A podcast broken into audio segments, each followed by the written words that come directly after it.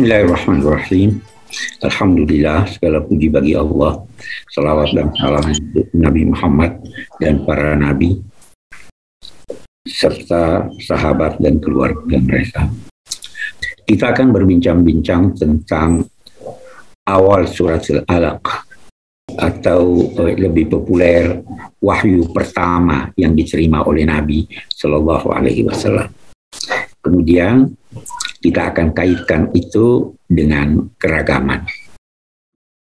Yang pertama yang kita eh, ingin eh, ketahui firman Allah Iqra bismi rabbikal ladzi khalaq itu biasa diterjemahkan bacalah dengan nama Tuhanmu.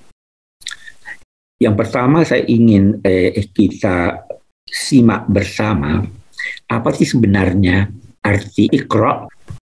Kata ikro, kata yang memerintahkan perintah. Terambil dari qara'a yang biasa diterjemahkan membaca. Qara'a yang biasa kita artikan membaca itu pada mulanya sebenarnya berarti menghimpun. Memang kalau kita eh, teliti, kita selidiki membaca itu hakikatnya adalah menghimpun. Mari kita lihat. Kalau di depan Anda ada tulisan saya, itu terdiri dari empat huruf. S, A, Y, A. Ketika Anda membacanya, Anda menghimpun dalam benak Anda dengan sangat cepat. S, A, Y, A maka terdengarlah saya. Demikian membaca. Jadi pada mulanya berarti menghimpun. Yang kedua yang kita ingin eh, garis bawahi dari arti membaca itu yang pada hakikatnya adalah menghimpun adalah bahwa dia tidak harus tidak harus dari sesuatu yang tertulis dalam bentuk aksara-aksara. Mari kita lihat. Kita muslim membaca suratul fatihah waktu sholat. Apakah ada eh, di depan Anda ketika membacanya itu ada kertas yang Anda baca? Tidak ada. Jadi mengucapkan sesuatu yang terhimpun di dalam benak, maka baik mengucapkannya sehingga terdengar oleh orang lain maupun mengucapkannya sehingga hanya didengar oleh benak Anda, maka itu adalah membaca. Memang kembali secara umum kalau kita berkata ikra itu artinya baca. Itu yang pertama. Dan ini yang kita perlu garis bawahi nanti. Yang kedua yang saya ingin kemukakan tentang arti perintah membaca ini adalah eh, me mengherankan. Karena kata membaca secara umum itu secara umum diartikan melihat suatu teks untuk diucapkan tetapi anehnya Nabi Muhammad itu tidak pandai membaca dalam pengertian ini tadi. Mengapa beliau diperintahkan untuk membaca. Itu di dalam riwayat, beliau dipeluk oleh malaikat Jibril, Iqra. Beliau jawab, ma'ana biqari.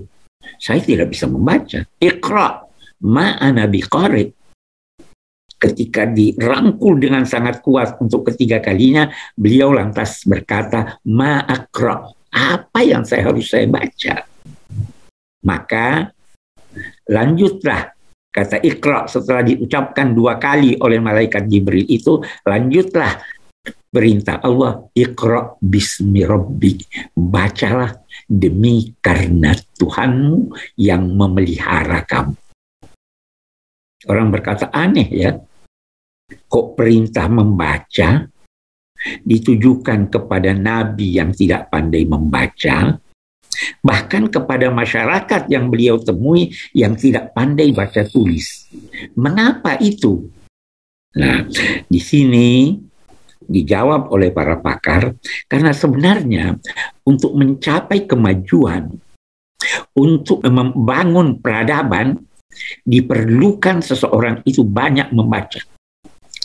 Dan membaca bukan hanya dari sesuatu yang tertulis, tetapi segala yang dapat dilihat itu hendaknya dibaca. Ketika Anda memandang air muka seseorang, Anda bisa berkata, saya baca dari air mukanya bahwa dia sedang marah. Memperhatikan alam raya. Kita membaca alam raya. Jadi tidak harus kata membaca itu dibatasi dalam arti membaca suatu teks kalau Anda ingin maju, kalau ingin membangun peradaban, maka bacalah dalam arti pandanglah segala sesuatu, pelajarilah dia, dan tariklah kesimpulan dari apa yang Anda lihat atau apa yang Anda baca. Yang ketiga, yang saya ingin garis bawahi lagi, ketika Tuhan berkata, Iqra bismi rabbik, dia tidak menentukan objeknya. Saya bisa berkata, bacalah buku ini, itu objeknya buku. Bacalah alam raya, itu objeknya alam raya. Di sini tidak disebut objeknya. Ikra. Bacalah. Mengapa demikian?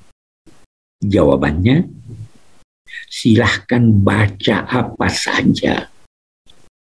Apa saja, silahkan baca. Tetapi kaitkan bacaan Anda itu bismi rabbik dengan niat memperoleh bantuan Tuhan. Bacalah itu demi karena Tuhanmu yang memelihara kamu.